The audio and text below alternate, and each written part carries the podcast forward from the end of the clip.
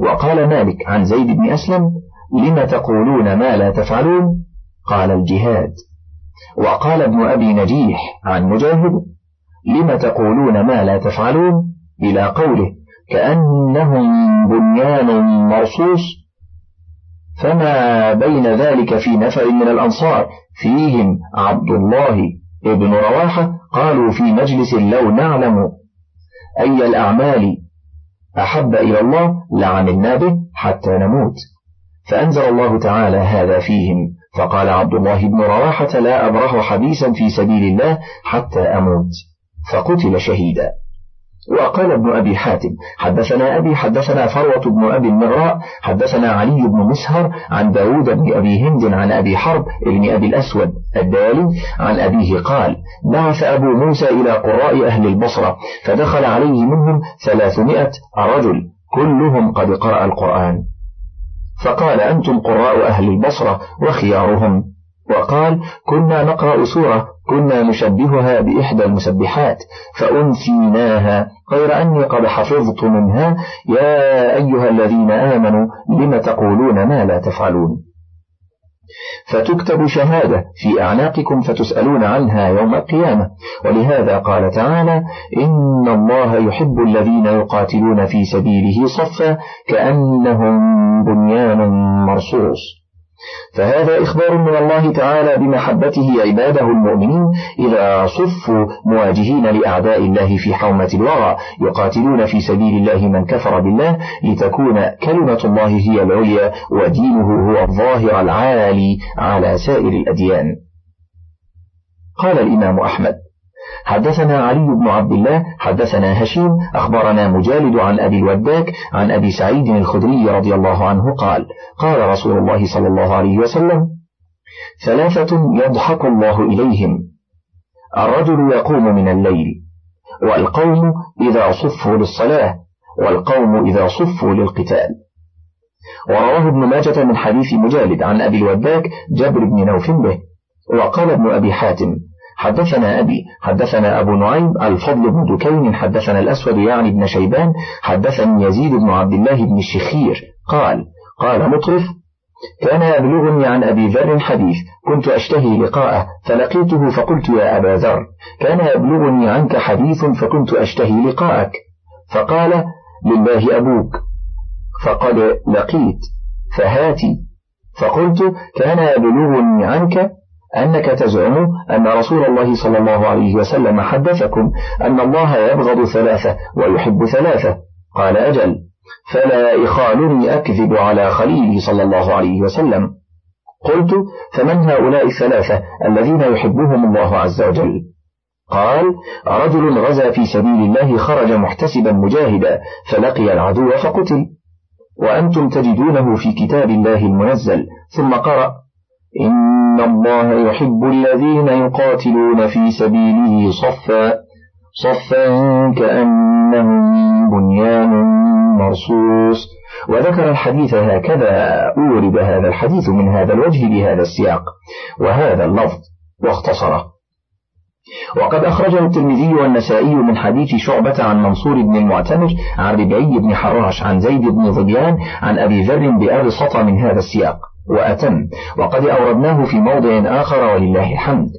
وعن كعب الأحبار أنه قال يقول الله تعالى لمحمد صلى الله عليه وسلم عبدي المتوكل المختار ليس بفض ولا غليظ ولا سخاب في الأسواق ولا يجزي بالسيئة السيئة ولكن يعفو ويغفر. مولده بمكة وهجرته بطابة وملكه الشام وأمته الحمادون يحمدون الله على كل حال وفي كل منزلة.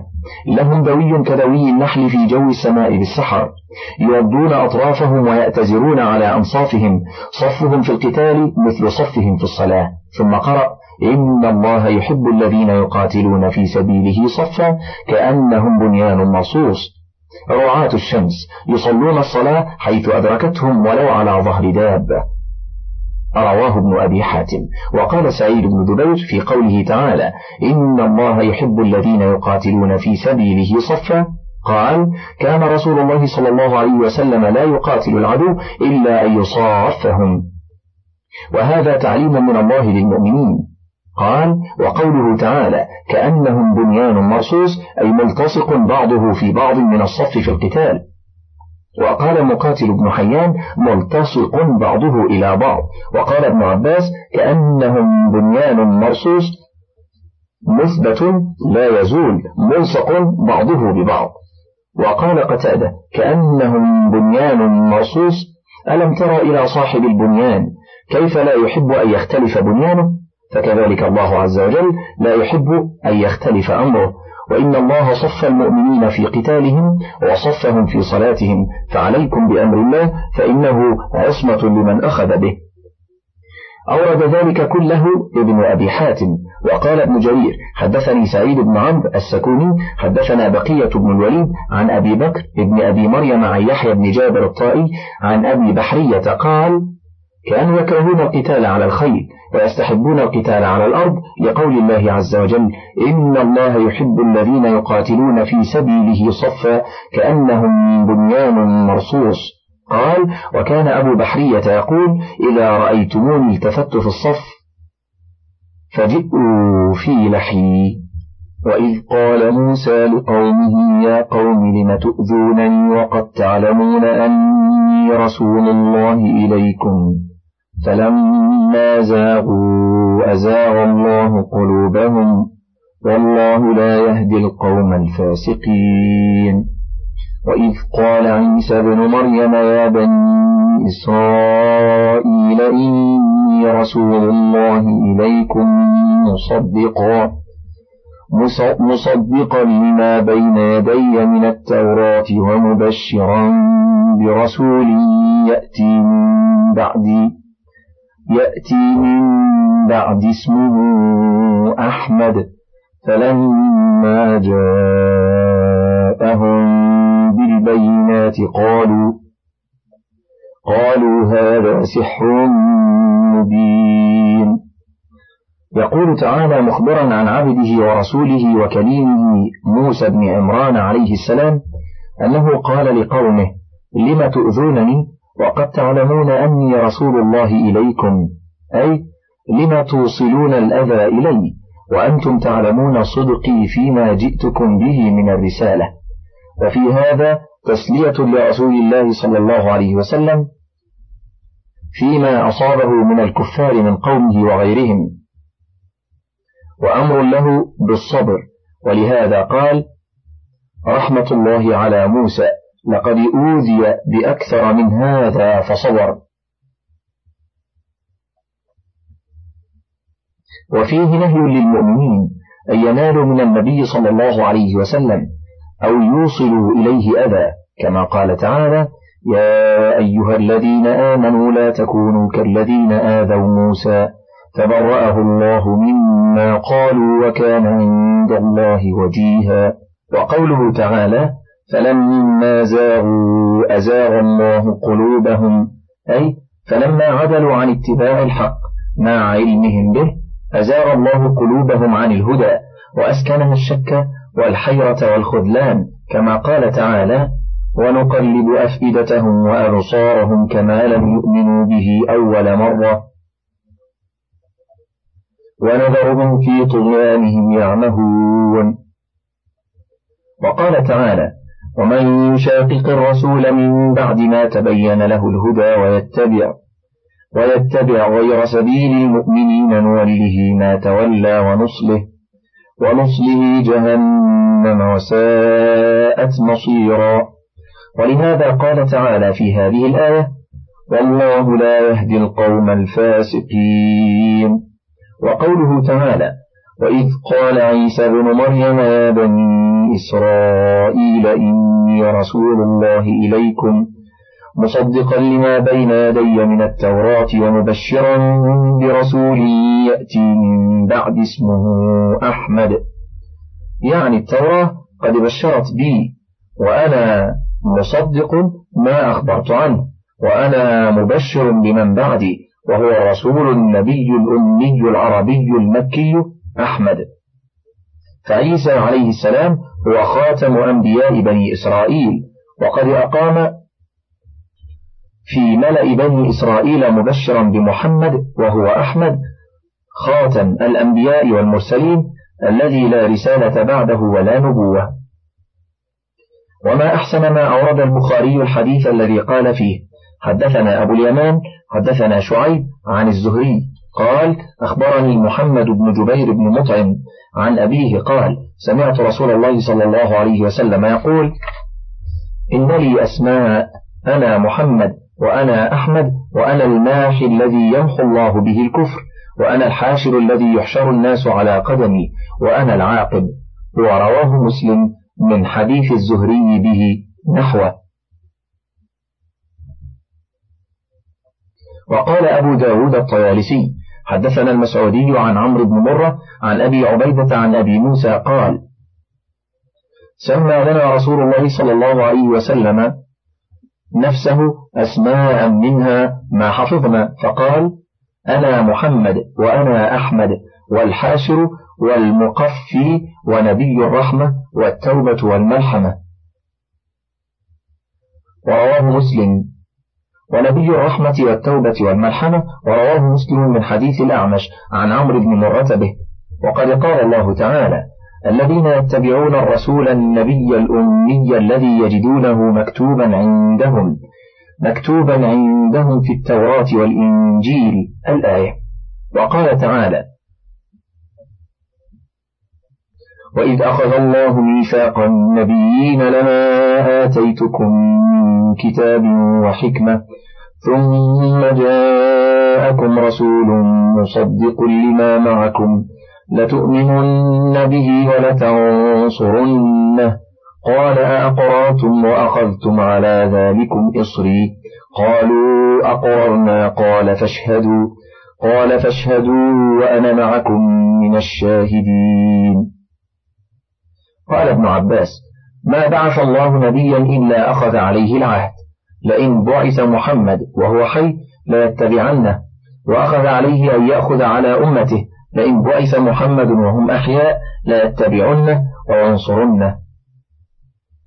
وقال محمد بن إسحاق حدثني ثور بن يزيد عن خالد بن معدان عن أصحاب رسول الله صلى الله عليه وسلم أنهم قالوا يا رسول الله أخبرنا عن نفسك. قال دعوة أبي إبراهيم وبشرى عيسى. ورأت أمي حين حملت بي ورأت أمي حين حملت بي. كأنه خرج منها نور أضاءت له قصور بصرى من أرض الشام. وهذا إسناد جيد. وعوي له شواهد من وجوه أخر فقال الإمام أحمد حدثنا عبد الرحمن بن مهدي حدثنا معاوية بن صالح عن سعيد بن سويد الكلبي عن عبد الأعلى بن هلال السلمي عن العرباض بن سارية قال قال رسول الله صلى الله عليه وسلم إن إني عند الله لخاتم النبيين وإن آدم لمنجدل في طينته وسأنبئكم بأول ذلك. دعوة أبي إبراهيم وبشارة عيسى بي ورؤيا أمي التي رأت وكذلك أمهات النبيين يرين وقال أحمد أيضا حدثنا أبو النضر حدثنا الفرج بن فضالة حدثنا لقمان بن عامر قال سمعت أبا أمامة قال قلت يا رسول الله ما كان بدء أمرك؟ قال دعوة أبي إبراهيم وبشرى عيسى. ورأت أمي أنه يخرج منها نور أضاءت له قصور الشام. وقال أحمد أيضا حدثنا حسن بن موسى سمعت خديجا أخا زهير بن معاوية عن أبي إسحاق عن عبد الله بن عتبة عن عبد الله بن مسعود قال بعثنا رسول الله صلى الله عليه وسلم إلى النجاشي ونحن نحو من ثمانين رجلا منهم عبد الله بن مسعود وجعفر وعبد الله بن رواحة وعثمان بن مظعون وأبو موسى. فأتوا النجاشي وبعثت قريش عمرو بن العاص وعمارة بن الوليد بهدية. فلما دخل على النجاشي سجد له ثم اتبعاه عن يمينه وعن شماله ثم قال له إن نفرا من بني عمنا نزلوا أرضك ورغبوا عنا وعن ملتنا. قال فأين هم؟ قال هم في أرضك. فبعث إليهم. فبعث إليهم. فقال جعفر أنا خطيبكم اليوم. فاتبعوه فسلم ولم يسجد. فقالوا له ما لك لا تسجد للملك؟ قال إنا لا نسجد إلا لله عز وجل. قال وما ذاك؟ قال إن الله بعث إلينا رسوله فأمرنا ألا نسجد لأحد إلا لله عز وجل وأمرنا بالصلاة والزكاة. قال عمرو بن العاص فإنهم يخالفونك في عيسى بن مريم. قال ما تقولون في عيسى بن مريم وأمه؟ قال نقول كما قال الله عز وجل هو كلمة الله وروحه ألقاها إلى العذراء البتول التي لم يمسسها بشر ولم يعترضها ولد. قال فرفع عودا من الأرض ثم قال يا معشر الحبشة والقسيسين والرهبان والله ما يزيدون على الذي نقول فيه ما يساوي هذا. مرحبا بكم وبمن جئتم من عنده. أشهد أنه رسول الله وأنه الذي نجد في الإنجيل وأنه الذي بشر به عيسى بن مريم. انزلوا حيث شئتم. والله لولا ما أنا فيه من الملك لأتيته حتى أكون أنا أحمل نعليه وأوضئه, وأمر بهدية الآخرين فردت إليهما. ثم تعجل عبد الله بن مسعود حتى أدرك بدرا وزعم أن النبي صلى الله عليه وسلم استغفر له حين بلغه موته. وقد رويت هذه القصة عن جعفر وأم سلمة رضي الله عنهما. وموضع ذلك كتاب السيرة والمقصد أن الأنبياء عليهم السلام لم تزل تنعت وتحكيه في كتبها على أممها وتأمرهم باتباعه ونصره وموازرته إذا بعث. وكان ما اشتهر الأمر في أهل الأرض على لسان إبراهيم على لسان إبراهيم الخليل والد الأنبياء بعده حين دعا لأهل مكة أن يبعث الله فيهم رسولا منهم وكذا على لسان عيسى بن مريم.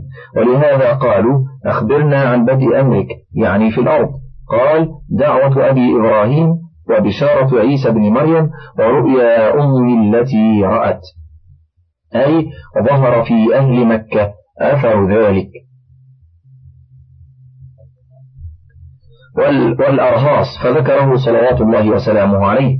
وقوله تعالى فلما جاءهم بالبينات قالوا هذا سحر مبين. قال ابن جريج وابن جرير فلما جاءهم أحمد أي المبشر به في الأعصار المتقادمة المنوه بذكره في القرون السالفة لما ظهر أمره وجاء بالبينات قال الكفرة والمخالفون هذا سحر مبين. ومن أظلم من افترى على الله الكذب وهو يدعى إلى الإسلام. والله لا يهدي القوم الظالمين يريدون ليطفئوا نور الله بأفواههم. والله متم نوره ولو كره الكافرون. هو الذي أرسل رسوله بالهدى ودين الحق ليظهره على الدين كله. ولو كره المشركون. يقول تعالى ومن أظلم ممن افترى على الله الكذب وهو يدعى إلى الإسلام. أي لا أحد أظلم ممن يفتري الكذب على الله ويجعل له أندادا وشركاء وهو يدعى إلى التوحيد والإخلاص. ولهذا قال تعالى والله لا يهدي القوم الظالمين. ثم قال تعالى يريدون ليطفئوا نور الله بأفواههم. أي يحاولون أن يردوا الحق بالباطل ومثلهم في ذلك كمثل من يريد أن يطفئ شعاع الشمس بفيه وكما أن هذا مستحيل كذاك ذلك مستحيل. ولهذا قال تعالى والله متم نوره ولو كره الكافرون هو الذي أرسل رسوله بالهدى ودين الحق ليظهره على الدين كله ولو كره المشركون. وقد تقدم الكلام على هاتين الآيتين في سورة براءة بما فيه كفاية ولله الحمد والمنة. يا أيها الذين آمنوا هل أدلكم على تجارة؟ على تجارة تنجيكم من عذاب أليم. تؤمنون بالله ورسوله وتجاهدون في سبيل الله بأموالكم وأنفسكم ذلكم خير لكم إن كنتم تعلمون. يغفر لكم ذنوبكم ويدخلكم جنات تجري من تحتها الأنهار ومساكن ومساكن طيبة في جنات عدن. ذلك الفوز العظيم. وأخرى تحبونها نصر من الله وفتح قريب وبشر المؤمنين. تقدم في حديث عبد الله بن سلام أن الصحابة رضي الله عنهم أرادوا أن يسألوا رسول الله صلى الله عليه وسلم عن أحب الأعمال إلى الله عز وجل ليفعلوه. فأنزل الله تعالى هذه السورة ومن جملتها هذه الآية. يا أيها الذين آمنوا هل أدلكم على تجارة تنجيكم من عذاب أليم؟ ثم فسر هذه التجارة العظيمة التي لا تبور التي هي محصلة للمقصود ومزيلة, ومزيلة للمحظور. فقال تعالى تؤمنون بالله ورسوله وتجاهدون في سبيل الله بأموالكم وأنفسكم ذلكم خير لكم إن كنتم تعلمون. أي من تجارة الدنيا والكد لها والتصدي لها وحدها. ثم قال تعالى يغفر لكم ذنوبكم. أي إن فعلتم ما أمرتكم به ودللتكم عليه غفرت غفرت لكم الزلات وأدخلتكم الجنات والمساكن الطيبات والدرجات العاليات. غفرت لكم الزلات وأدخلتكم الجنات والمساكن الطيبات والدرجات العاليات. ولهذا قال تعالى ويدخلكم جنات تجري من تحتها الأنهار ومساكن طيبة ومساكن طيبة في جنات عدن. ذلك الفوز العظيم.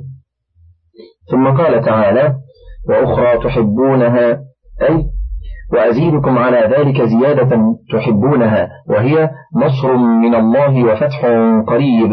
أي إذا قاتلتم في سبيله ونصرتم دينه تكفل الله بنصركم. قال الله تعالى يا أيها الذين آمنوا إن تنصروا الله ينصركم ويثبت أقدامكم. وقال تعالى ولينصرن الله من ينصره. إن الله لقوي عزيز. وقوله تعالى وفتح قريب أي عاجل فهذه الزيادة هي خير الدنيا موصول بنعيم الآخرة لمن أطاع الله ورسوله ونصر الله ودينه ولهذا قال تعالى وبشر المؤمنين يا أيها الذين آمنوا كونوا أنصار الله كما قال عيسى بن مريم كما قال عيسى بن مريم للحواريين من أنصاري إلى الله قال الحواريون نحن أنصار الله فآمنت فآمنت طائفة من بني إسرائيل وكفرت وكفرت طائفة. فأيدنا الذين آمنوا على عدوهم فأصبحوا ظاهرين. يقول تعالى آمرا عباده المؤمنين أن يكونوا أنصار الله في جميع أحوالهم بأقوالهم وأفعالهم وأنفسهم وأموالهم وأن يستجيبوا لله ولرسوله. كما استجاب الحواريون لعيسى حين قال من أنصاري إلى الله؟ أي من معيني في الدعوة إلى الله عز وجل. قال الحواريون وهم أتباع عيسى عليه السلام. نحن أنصار الله. أي نحن أنصارك على ما أرسلت ما أرسلت به وموازروك على ذلك. ولهذا بعثهم دعاة إلى الناس في بلاد الشام في الإسرائيليين واليونانيين. وهكذا كان رسول الله صلى الله عليه وسلم يقول في أيام الحج ما رجل يؤويني حتى أبلغ رسالة ربي فإن قريشا قد منعوني أن أبلغ رسالة ربي. حتى قيض الله عز وجل له الأوس والخزرج من أهل المدينة فبايعوه ووازروه وشارطوه أن يمنعوه من الأسود والأحمر إن هو هاجر إليهم. فلما هاجر إليهم بمن معه من أصحابه وفوا له بما عاهدوا الله عليه. ولهذا سماهم الله ورسوله الأنصار وصار ذلك علما عليهم رضي الله عنهم وأرضاهم. وقوله تعالى فآمنت طائفة من بني إسرائيل وكفرت طائفة. أي لما بلغ عيسى بن مريم عليه الصلاة والسلام رسالة ربه إلى قومه ووازره من وازره من الحواريين. اهتدت طائفة من بني إسرائيل بما جاء جاءهم به وضلت طائفة فخرجت عما جاءهم به. وجحدوا نبوته ورموه وأمه بالعظائم وهم اليهود عليهم لعائن الله المتتابعة إلى يوم القيامة. وغلت فيه طائفة ممن اتبعه حتى رفعوه فوق ما أعطاه الله من النبوة وافترقوا فرقا وشيعا. فمن قائل منهم إنه ابن الله وقائل إنه ثالث ثلاثة الأب والابن وروح القدس. ومن قائل إنه الله وكل هذه الأقوال مفصلة في سورة النساء. وقوله تعالى فأيدنا الذين آمنوا على عدوهم أي نصرناهم على من عاداهم من فرق النصارى. فأصبحوا ظاهرين أي عليهم وذلك ببعثة محمد صلى الله عليه وسلم.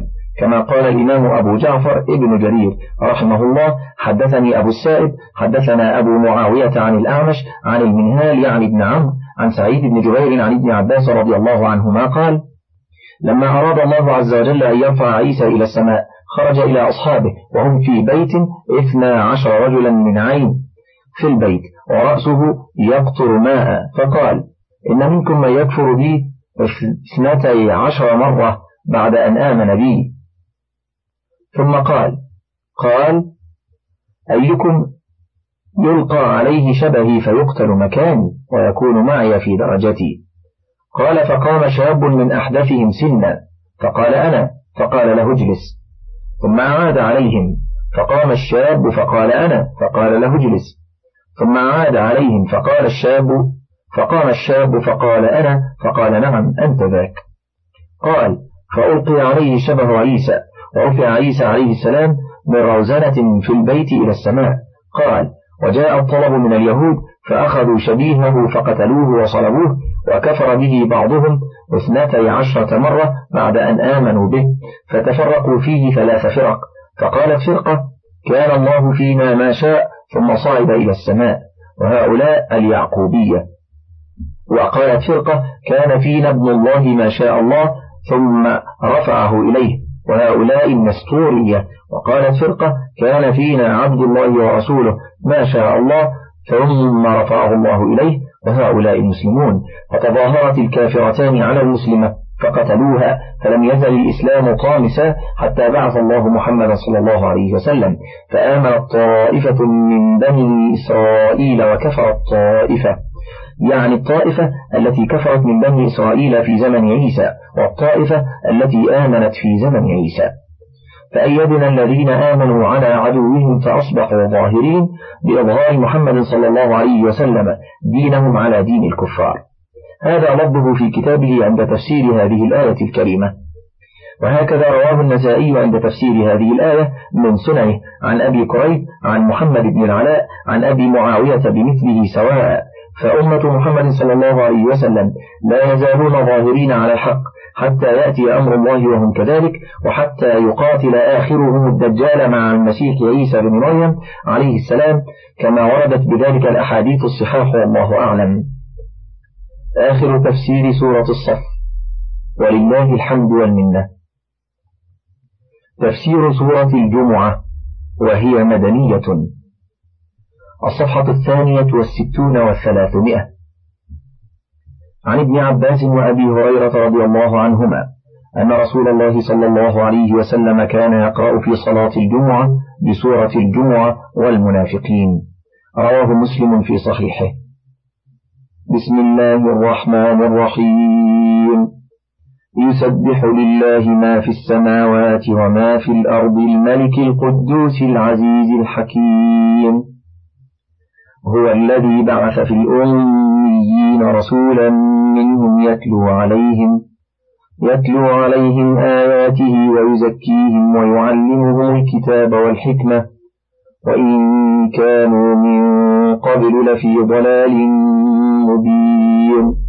وآخرين منهم لما يلحقوا بهم وهو العزيز الحكيم. ذلك فضل الله يؤتيه من يشاء. والله ذو الفضل العظيم. يخبر تعالى أنه يسبح له ما في السماوات وما في الأرض أي من جميع المخلوقات ناطقها وجامدها كما قال تعالى وإن من شيء إلا يسبح بحمده ثم قال تعالى الملك القدوس أي هو مالك السماوات والأرض المتصرف فيهما بحكمه وهو المقدس أي المنزه عن النقائص الموصوف بصفات الكمال العزيز الحكيم تقدم تفسيرهما غير مرة وقوله تعالى هو الذي بعث في الأميين رسولا منهم الأميون هم العرب كما قال تعالى وقل للذين أوتوا الكتاب والأميين أسلمتم فإن أسلموا فقد اهتدوا وإن تولوا فإنما عليك البلاغ والله بصير بالعباد. وتخصيص الأميين بالذكر لا ينفي من عداهم ولكن المنة عليهم أبلغ وأكثر كما قال تعالى في قوله وإنه لذكر لك ولقومك وهو ذكر لغيرهم يتذكرون به. وكذا قال تعالى وأنذر عشيرتك الأقربين وهذا وأمثاله لا ينافي قوله تعالى قل يا أيها الناس إني رسول الله إليكم جميعا بهذا القدر من تفسير سورة الصف ينتهي تسجيل انتهت هذه المادة. ولكم تحيات إخوانكم في شبكة الألوف. والسلام عليكم ورحمة الله وبركاته.